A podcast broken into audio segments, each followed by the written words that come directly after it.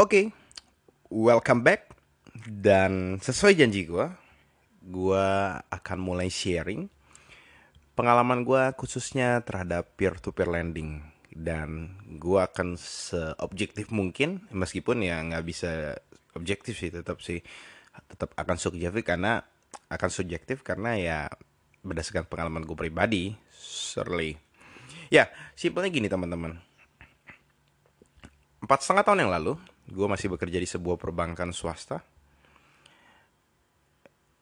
Dan jujur dalam gue pribadi penghasilan gue di bank swasta tersebut selama 2 tahun lebih gue nggak pernah ambil gaji. Dalam hal ini gaji yang gue dapat itu kan selalu ditransfer di rekening gaji ya. Nah rekening gaji di bank itu setara dengan bunga deposito sesuai dengan BI rate saat itu. Waktu itu pasti pakai BI rate. Kalau sekarang kan BI repo 7 days ya. Dan itu akan berubah sesuai dengan rapat Dewan Gubernur Bank Indonesia tiap bulan. Dan saat ini udah dua bulan angkanya di angka 5%. So, kalau misalkan gue nabung saat itu di saat ini, rekening gaji gue itu punya bunga itu setara dengan 5% bunga belum dipotong pajak 20%. Jadi sebenarnya gue dapat 4% per tahun ya, annual ya, inget ya. Kalau kita ngomongin deposito itu annual enggak enggak per bulan. Jadi per tahun. Nah, biasa gue nabung di situ. Uh, bahkan dari penghasilan gue di tempat lain juga gue masukin di situ. Cuman gue berpikir waktu itu, kalau duitnya 5% kayak gini, berapa lama ya duit gue bisa berkembang lebih banyak. Waktu itu lagi pengen mau beli rumah dan lagi pengen nikah. Biaya nikah kan mahal. Biaya rumah apalagi gitu ya. Dua-duanya mahal lah. Nah alhasil yang gue lakukan adalah gue tabung terus. Nah suatu kali adik gue kebetulan adik gue itu seorang programmer di sebuah universitas swasta di Jakarta Barat. Kebetulan dia diajak oleh temennya ada beberapa orang dan ada yang invest gitu ya invest untuk sebuah satu perusahaan waktu itu. Masih perusahaannya masih perusahaan yang pertama tuh agak nggak jelas ya. Cuman perusahaan yang kedua dia mulai buat mulai agak jelas gitu ya.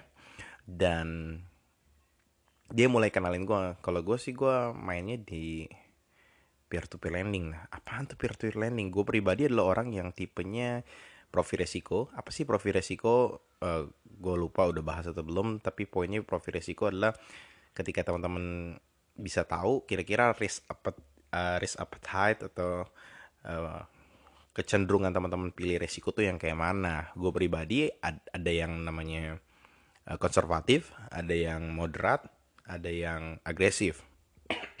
gue pribadi adalah agre uh, di konser di moderat sorry di moderat. Gue pribadi nggak bisa nanggung resiko yang besar. Gue nggak bisa terbiasa dengan naik turunan harga uh, aset gue gitu ya. Tapi gue pengen dapat return yang besar. Cuman ya lucu ya kalau mau return yang besar pasti resikonya besar kan ya. Nah cuman dalam prosesnya ini gue dikenalin peer to peer lending. Gue karena gue moderate gue takut dong apa sih nih? Yang gue tahu kan perbankan nih jelas ke legal nggak? Waktu itu belum ada pendaftaran di OJK gue nggak tahu. Yang gue pasti yang gue tahu kalau di perbankan ya aman jelas gede banknya kan nggak mungkin bangkrut. Kalau bangkrut gue kerjanya juga hilang kan ya. Cuman di sini gue mulai mencari-cari tahu peer to peer lending. Sorry gue masih batuk. Uh, peer to peer lending ini seperti gimana? Nah gue sedikit demi sedikit li, sumber literatur masih sedikit waktu itu. Masih ada banyak mungkin yang dari luar negeri. Kurang lebih gue menangkap bahwa prinsipnya mirip seperti bank. Dan uh, gue mulai mencari. Waktu itu pilihan tuh nggak terlalu banyak yang ada untuk gue bisa invest selain itu adalah yang pertama adalah Coinworks, Amarta, Investri, dan Modalku. Empat itu waktu itu yang pertama. Dan gue invest di tiga tempat selain modalku. Kenapa selain modalku? Karena modalku waktu itu ketika mau invest itu harus punya duit invest pertama 10 juta. Nah, buat gue pribadi yang baru fresh graduate, 10 juta angka yang lumayan besar kan? Dan takut juga kalau duitnya kenapa-napa. Ya namanya juga baru coba ya. Nah akhirnya gue mulai mencoba pertama kali setahu seingat gue itu gue mencoba di Coinworks. Mungkin teman-teman bisa lihat di Coinworks, teman-teman bisa cari di Google Play Store atau App Store bentuknya seperti W gitu ada kayak orang angkat tangan gitu ya Coinworks. Ini adalah salah satu pelopor dari peer-to-peer lending sebenarnya. Uh, pribadi, gue pribadi ketika gue di fintech gue mulai banyak kerjasama dengan Coinworks juga. Uh, gue pribadi nggak terlalu banyak invest di Coinworks, tapi cukup. Uh, ini Coinworks ini unik. Jadi teman-teman bisa lihat ya Coinworks itu bentuknya orang dua orang angkat tangan gitu ya karena di mereka mereka punya satu kepercayaan bahwa connection works nggak tahu di zaman zaman itu ya. Gue lama nggak lihat lagi sih. Uh, di zaman itu adalah kalau misalkan kita konekin Facebook kita terus sosial media kita dan lain-lainnya kita bisa dapat scoring yang lebih bagus dalam hal ini untuk si peminjam ya. Dan khususnya kalau gue juga gue sebagai investor kalau gue Facebook gue ada punya temenan sama temennya dia ataupun itu itu akan menjadi sebuah hal yang oh lu punya temen temen temen lu temennya dia gitu. Jadi karena ada sambungan kayaknya lebih menarik lu invest di sana. Nah kurang lebih gambarannya seperti itu sih ya. Ini Coinworks sebenarnya udah cukup berubah jauh banget dari yang pertama kali gue main ya. Belakangan ini setahu gue tahun sebulan terakhir ini ada perubahan aplikasi yang lebih luar biasa di sini. Jadi di sini ada cash dan koin. Di zaman gue ada koin ya nggak tahu juga lah.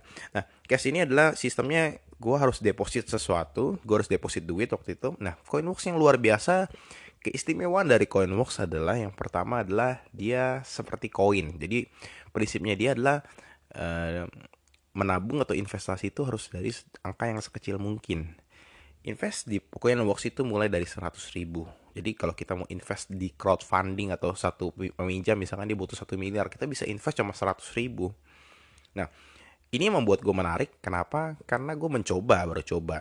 Jadi waktu itu gue masukin pertama mungkin satu juta, total total mungkin bisa 5 juta lah, kurang lebih lah. Dan itu gue atau atau lebih daripada itu gue bisa invest di beberapa peminjam yang berbeda. Jadi gue bisa invest di 15 peminjam berbeda waktu itu ya ada yang satu juta ada yang satu juta setengah ada yang lima ratus ribu ada yang seratus ribu seratus ribu tiga ratus ribu dan kurang lebih seperti itulah. Waktu itu pertama kali gue invest di sekitar 10 nah di Coinbox ini unik sih. Jadi kita bisa uh, bisa lihat bisa nyari peminjamnya itu siapa dan kita bisa lihat peminjamnya itu toko apa dia usahanya apa, modalnya apa, terus keuangan laporan keuangannya seperti apa. Coba ya sebentar kita coba. Wow, aplikasinya lagi ada bug nih kalau kita buka di di portofolionya ditelusuri di activity nggak langsung keluar. Oke, sebentar grow your asset di sini. Oke, okay, to it kita buka di koin P2P di return 12 sampai 30% skip. nah, di sini ada koin invoice. di sini ada koin invoice itu adalah invoice financing. Invoice financing itu sebenarnya itu mulai dimulai dari investor ya, developer sih. Jadi info, tadi ya seperti tadi gue bilang di kalau teman-teman dengar podcast yang sebelumnya bahwa di perbankan itu ada namanya giro.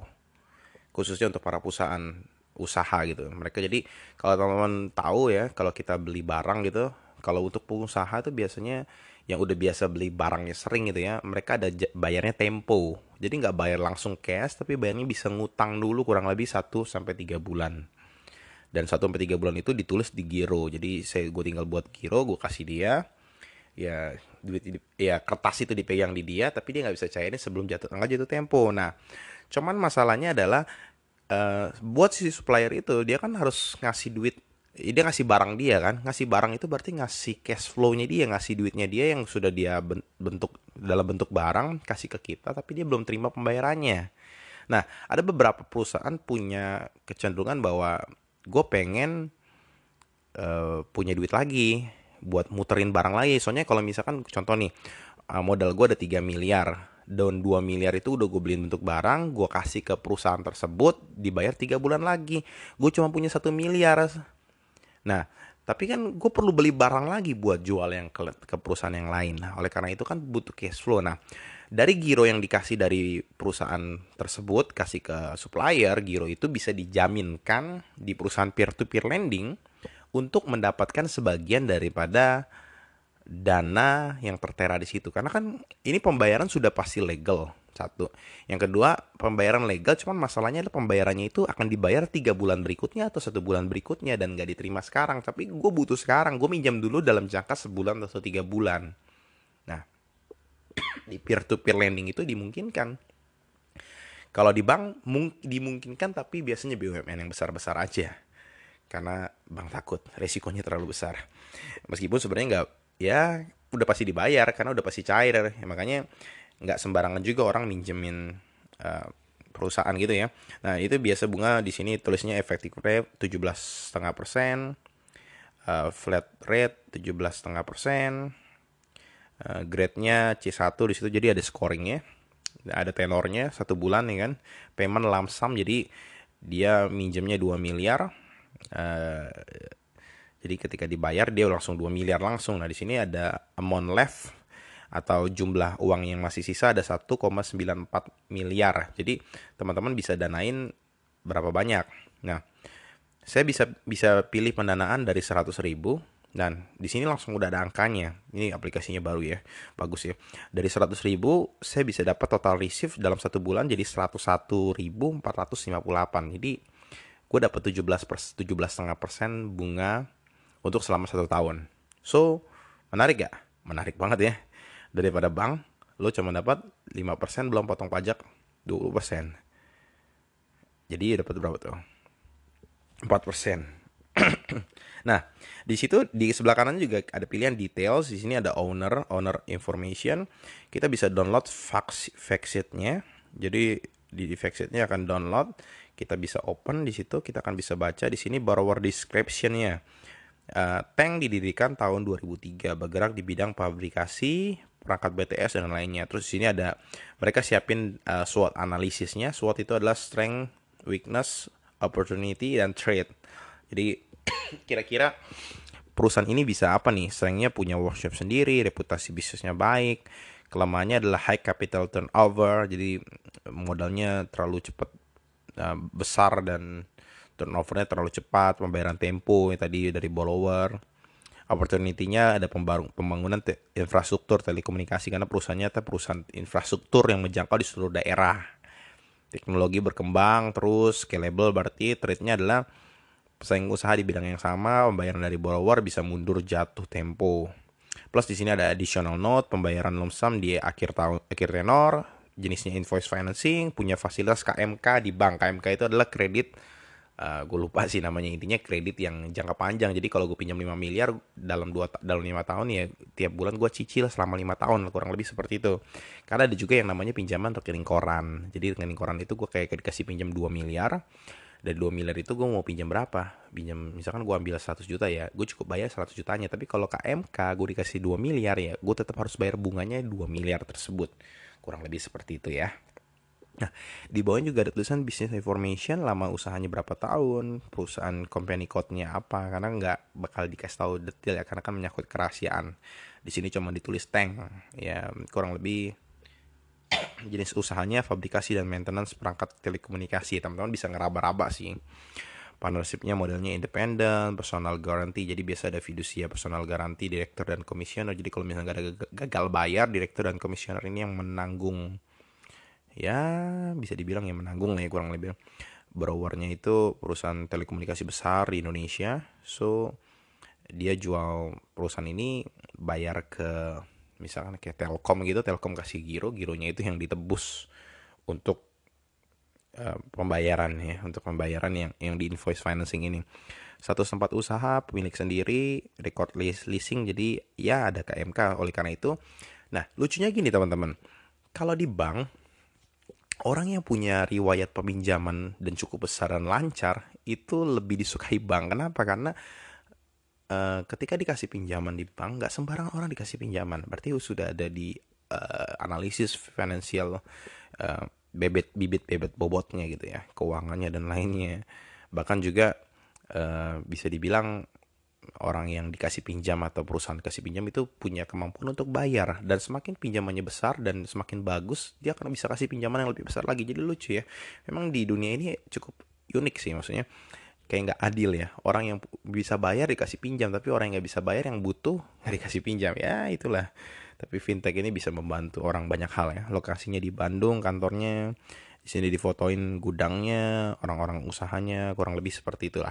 Di sini ada fun fact sheetnya so dari sini kita bisa pemilih untuk apa namanya untuk mendanai ya. Kayak tadi kita bisa mendanai jumlahnya mau berapa? 100 ribu 200 ribu 300 ribu 400 ribu sampai kelipatannya pokoknya tiap 100 ribu. Teman-teman mau 2 miliar pun sekaligus juga bisa. Tapi sebelumnya ingat jangan lupa teman-teman ketika mau danain Coinworks teman-teman harus daftar dulu. Dan daftar dulu teman-teman harus deposit dulu. Seingat gue deposit dah. Terakhir itu di Bank Indonesia itu ada peraturan pakai rekening dana lender tapi kayaknya uh, sejak enam bulan yang lalu ya mungkin enam bulan yang lalu belum bank tuh belum punya teknologi itu sih rekening dana lender belum semua bank. Ada rekan, bank, beberapa bank yang punya teknologi rekening dana lender tapi masih manual nggak digital. Apa sih rekening dana lender? Kalau teman-teman pernah main saham biasanya kita akan dibukakan sebuah rekening namanya RDN rekening dana nasabah sorry sambil minum Nah, misalkan gue pakai rekeningnya pakai broker atau sekuritas itu Sinarmas. Nah, gue bisa pakai rekening dana nasabahnya itu dari beberapa bank yang lain. Contoh gue pakai bank BCA. Nah, ketika gue mau transaksi di saham, gue harus top up dulu atau transfer dari bank gue yang sebelumnya dari bank sumber asal ke bank BCA gue yang RDN tadi. Nah, di bank RDN tadi itu sebagai dana escrow, jadi dana dana bersama yang sebenarnya dana gue pribadi, tapi bisa diakses oleh si broker untuk diambil duitnya atau enggak sesuai dengan aplikasi yang gue lakukan. Misalkan gue beli lakukan pembelian satu juta di aplikasi tersebut gue submit bank eh si broker mampu bisa ngambil duit gue satu juta tadi tuh. Ya dia potong dari duit gue mungkin yang di RDN ada 5 juta sejutanya dipotong sisa 4 juta. Jadi uh, sebenarnya rekening gue tapi si si punya platform dia punya akses untuk bisa akses tersebut. Nah, rekening dana lender itu juga modelnya seperti itu. Jadi untuk menghindari ketika kita uh, top up dana atau deposit dana dan dananya itu masuk ke langsung ke si punya platform atau Coinworks, kalau ada masalah Coinworksnya ini nggak benar dan lainnya, dia bisa bawa kabur duit kita. Tapi kalau duit kita kita taruh di rekening dana kita, ya BCA gua atau apa pun itu, ya nggak sembarangan orang bisa ngambil. Jadi ketika dia mau kabur duit kita nggak hilang. Kenapa? Dana kita ada di rekening kita. Kurang lebih simpelnya seperti itu. Bahkan juga ketika uh, pengumpulan dana ketika dana yang sudah ada terpenuhi ataupun itu ada peraturan H plus 2 jadi dana yang terkumpul H plus 2 kalau misalkan saat itu H plus 2 belum belum terkumpul dananya nggak boleh diteruskan ke peminjam tapi harus dikembalikan ke rekening masing-masing. Cuman kalau ke rekening masing-masing kan mahal ya biayanya ya. Karena kan kita nggak tahu nih rekening utamanya dari si Coinworks ini apa. Nah makanya mereka pakai rekening dana lender. Jadi mereka otomatis duitnya balik ke rekening dana lender. Kurang lebih seperti itulah gambarannya lah ya. Uh, mungkin nggak terlalu detail, cuman itulah yang bisa digambarkan. Nah kurang lebih di setiap aplikasi di peer-to-peer lending biasanya di website atau di aplikasi biasa ada namanya TKB 90 di sini di Coinbox ini 98, berapa sekian lah saya uh, ini aplikasinya bugnya masih banyak nih kayaknya. Si error terus. Nah di sini TKB 98,7 sekian. TKB 90 adalah tingkat pengembalian dana dari nasabah uh, selama 90 hari jadi peraturan di otoritas jasa keuangan biasanya intinya gini kalau ada 100 yang minjam ada satu atau dua yang gagal bayar, ada dua lah yang gagal bayar, otomatis uh, di sistem di aplikasi The Coinworks harus nulis 98%. Kenapa? Dari 100 ada dua yang gagal bayar, dua persennya gagal bayar. Berarti yang berhasil dibayar selama tiga bulan itu 98%. Nah, ada 98 dan 98 itu 98%. Jadi di situ kita bisa lihat kita harus cari peer to peer lending yang punya TKB 90-nya yang bagus. Karena kalau angkanya 60 ya berarti 40% bisa gagal bayar. Ya sama aja kayak lu danain 40% duit lu kemungkinan gak balik. Susah kan? Serem kan? Ya, ya itulah. Nah ini di Coinworks ini ada coin invoice coin macam-macam. Sekarang banyak coin invoice ya zaman dulu uh, peminjaman kayak lebih ke arah SME gitu yang tadi gue bilang uh, diminjam buat pinjam 500 juta buat meningkatkan usaha produktivitas dan lainnya. Ada juga untuk koin pintar, jadi minjem buat eh, orang-orang yang minjem tuh biasa buat lanjutin kuliah atau kursus, dia minjam dulu. Ada juga koin uh, employee, jadi orang minjem duit buat produktivitas, buat bangun rumah atau apa pun itu ada. Nah, cuma kalau di sini kayaknya gue lihat sih kebanyakan invoice financing ya. Karena memang teruji invoice financing bagusnya ada koin pintar, di sini ada amount left-nya, ada rate-nya berapa, ada tenornya berapa lama, 12 bulan, 6 bulan, dan ada berapa hari yang tertinggal, ada fully funded, ada yang enggak, ya kurang lebih seperti itulah. Nah, uh, simpelnya gini teman-teman. Jadi kalau kita mau top up di Coinworks itu, teman-teman bisa pilih setting, lalu transfer instruction. Teman-teman bisa Oh ya jangan lupa ya teman-teman. Kalau teman-teman mau download uh, Coinworks jangan lupa masukin kode referral gue ya. 16247 jangan lupa. Karena ya gue nggak di endorse jadi kalau teman-teman dapet eh, mau, mau coba dimain di Coinworks kan gue jadi dapat referralnya lumayan kan. Dapat berapa ribu nih? Ya lumayan banget lah daripada enggak ya daripada gue cerita kayak gini panjang lebar tapi nggak dapat apa-apa kan mending sedikit banyak kan dapat ya. nah, Oke, okay. so Coinworks ini sudah berizin jadi cukup aman dan satu hal yang mendasari kenapa gue suka di Coinworks adalah Coinworks itu punya asuransi dan asuransi itu di zaman empat setengah tahun yang lalu itu belum pernah ada. Jadi kayak kita yang mendanai kita aman. Kenapa? Jadi ada dikasih skor. Kalau asuransinya uh, scoringnya itu A, ada B, ada C, ada D. Kalau A itu 100% akan dijamin dananya dana pokok kita. Jadi ketika ada gagal bayar 100% pun akan diambil dananya dari dana penampungan koin waktu itu dibayarkan ke kita jadi lebih aman. Di zaman gua A-nya itu 80% waktu itu. B-nya itu 60% dan begitu selanjutnya turun-turun. Tapi kalau sekarang 180, 60, 40 20 dan kurang lebih ya. Seperti itu. Nah uh, oke okay. uh, eh, apalagi ya? Hmm, nah sistemnya waktu itu di Coinworks gue nggak tahu sih gue belum coba lagi terakhir. Uh, dana yang kita masukkan akan masuk di cash ya. Kalau kita dapat referral dapat promo da di sini ada koin. Jadi kayak modelnya kalau teman-teman pakai OVO di situ kan ada OVO cash dan OVO point ya kurang lebih sama lah ya. Jadi kita harus top up dulu dan ketika kita mau mendanai dana itu bisa diambil dari cash dan poin. Dan kalau udah dibayar duitnya itu akan masuk di cash. Dan di cash itu bisa ditarik minimum uh, minimum 100 ribu. Dan uh, saya lupa deh kalau nggak salah zaman itu Coinworks itu pakai bank UOB kalau sekarang uh, dananya apa uh, pendanaan dari banknya utamanya saya kurang hafal.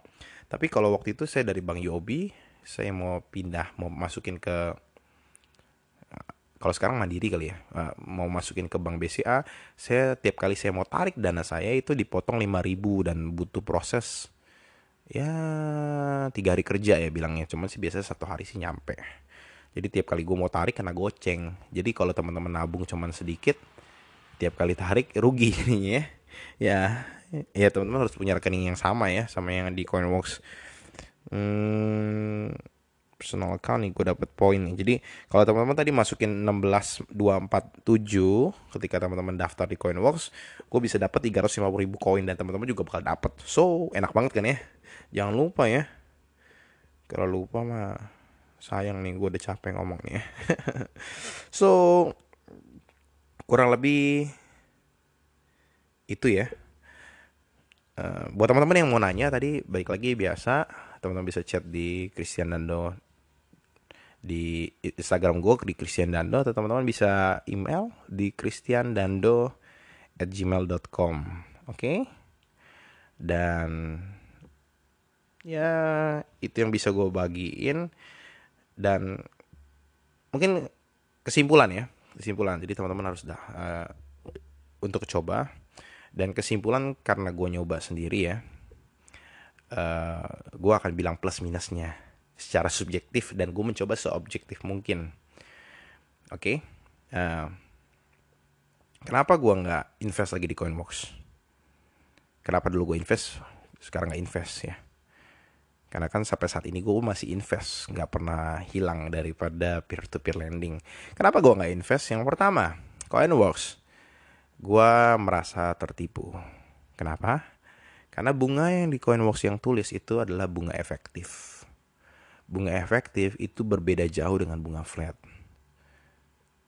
suatu saat gue akan bahas tapi teman-teman bisa cari di internet perbedaannya itu yang pertama.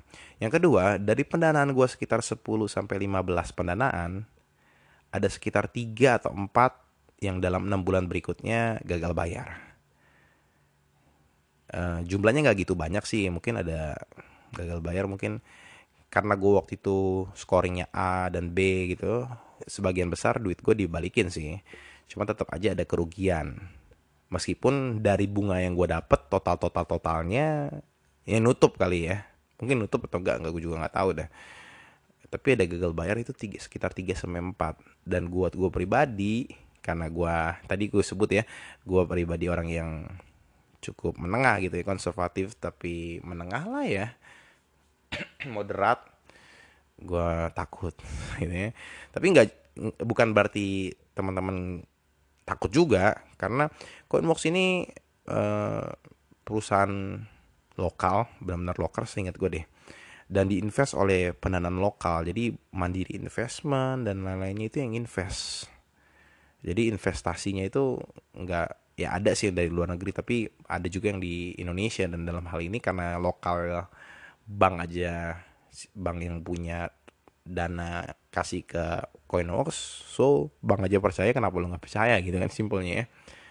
Dan sekarang kayak tadi scoringnya A itu dapat 100% kok penjaminannya jadi menarik buat Coinbox ya. Jadi dan yang luar biasa sih teman-teman bisa belajar Coinbox itu teman-teman bisa belajar analisis dibanding sama peer to peer yang lain teman-teman bisa belajar analisis mau danain yang mana karena pilihannya banyak. Ada sekitar 10 atau 15 gitu teman-teman bisa pilih yang paling menarik buat teman-teman.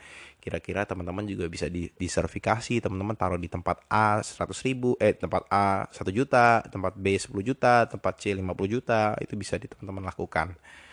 Kurang lebih seperti itu yang teman-teman bisa lakukan. Dan um, sedikit update ada teman gue yang main di Coinworks cukup banyak ya bahkan ada beberapa teman yang invest memang utamanya di Coinworks gitu ya. Beberapa di tempat lain. Tapi kalau gue pribadi uh, cukup yang gue percaya aja lah gue taruh di situ. Tapi nggak nggak lepas dari prinsip disertifikasi dan di Coinbox itu gue main ya gue sebar beberapa tempat. Jadi dari 10 yang gagal dari 10 yang gue danain ada empat gagal bayar. Kurang lebih sih sebenarnya gue nggak rugi. Kenapa? Karena enam lain menghasilkan keuntungan empat lain rugi tapi rugi sedikit. Jadi kita harus pintar disertifikasi nah update terakhir ada teman gue yang invest cukup banyak. Dan uh, anehnya ya nggak tahu ini ini uh, baru teman gue yang terima sih gue pribadi karena gue di chat pribadi. Teman gue ini uh, ada gagal bayar dan gagal bayar ini kan secara otomatis kan harusnya kan uh, keluar dari dana asuransinya Coinworks ya. Tapi yang terjadi adalah bukan keluar dari dana investasi eh dana talangan asuransi Coinworks tapi duitnya yang keluar malah bukan keluar. Jadi mereka punya sistem namanya restruktur utang. Jadi teman gue ini invest di tiga bulan enam bulan gue nggak salah gitu ya. Karena kan nggak mau jangka panjang. Uh, tapi karena gagal bayar gitu utang utang itu diperpanjang tapi tetap dapat bunganya juga. Diperpanjang sampai 2 tahun. So teman gue mencak-mencak sih. Kenapa? Karena ya tiga bulan aja lu gagal bayar atau enam bulan gagal bayar lu mau dua tahun gitu katanya. Tapi sebenarnya kalau ngomongin restruktur, restruktur utang itu dilakukan di perbankan di perusahaan yang seperti itu sih biasanya. Jadi nggak ada masalah sebenarnya. Cuman yang yang jadi case nya kenapa kok janjinya sesuai dari asuransi kok nggak dikeluarin? Tapi malah pakai restrukturisasi utang. Dan waktu itu belum ditulis sekarang sih udah ditulis. Jadi so teman-teman harus belajar banget ketika teman-teman mau invest di sebuah peer to peer lending teman-teman harus belajar tentang peer to peer lending itu. Jangan teman-teman nggak ngerti teman-teman invest. Kalau teman-teman nggak ngerti teman-teman invest teman-teman is likely a gamble judi. Dan yang judi itu ya beresiko tinggi. Bisa dapat hasil yang bagus tapi resikonya besar. Ya spekulasi resiko banget lah. So uh, itu aja yang gue bisa gue bagiin di sini gue combine return yang selama ini gue pakai ada 19,59 persen. Gede ya. Ya bisa sampai 30 persen tapi efektif. Ya. So activity itu kan ini ada bug nih nggak di handphone gue sendiri atau yang lainnya. Tiap kali gue buka uh, activity di sini langsung keluar. Tapi keren sih di sini ada confirm fingerprint to continue aplikasinya bentuknya keren super financial app dan teman-teman kalau teman-teman mau minjem juga bisa di sini teman-teman bisa pilih coin bisnis. Uh, di sini ada coin employee coming soon coin revolving coming soon coin pintar coming soon dan setahu gue promonya banyak coinworks waktu Avenger itu tuh dia nyediain uh, gratis tiket gitu ya tiket nonton. Uh, oke. Okay di sini ada profil strength jadi gue bisa bisa bagusin profil gue dengan biasanya waktu itu sih gue konek konekin dengan tuh kan uh, konekin dengan sosial media supaya bisa dapat apa namanya bisa dapat hubungan connection gitu. Karena katanya uh, di Coinworks uh, in connection we works katanya. Ya kalau works so itu aja yang bisa gue bagiin. Teman-teman jangan lupa kalau teman-teman pengen nyoba Coinworks. Nggak ada salahnya teman-teman daftar ya. Jangan lupa masukin kode gue 16247 ingat ya 16247 buat teman-teman dapetin 350 ribu koin. Dan lumayan banget itu 350 ribu. Ya jadi teman-teman daftar di Coinworks. Download di Coinworks. Sudah berizin aman komplit ya aman. Kenapa? Karena selama empat setengah tahun gue main it's totally uh, secure. Menarik banget lah. Ya kita bisa discuss teman-teman bisa sharing uh, recokin aja Instagram gue jujur di Instagram gue di timeline tuh lebih banyak tentang family sih ya. Tapi biasa di story gue bisa bahas sesuatu hal yang lain. Karena juga di timeline juga gue mulai di feeds itu gue mulai masukin uh, investment investment jadi so teman-teman bisa share di situ berbagi bertanya dan discuss bisa juga mau tanya yang detail langsung ke email di christiandando@gmail.com teman-teman bisa share uh, itu aja paling ya Uh, thank you teman-teman buat denger. Semoga teman-teman belajar banyak. Karena kalau nggak belajar banyak sayang banget. 33 menit lebih udah Christian ini udah cower-cower gitu ya udah ngomong terus. Dan nggak dapat apa-apa ya sayang banget ya. Tapi teman-teman yang bisa dengar semoga bermanfaat buat teman-teman. Have a nice day and God bless you. See you.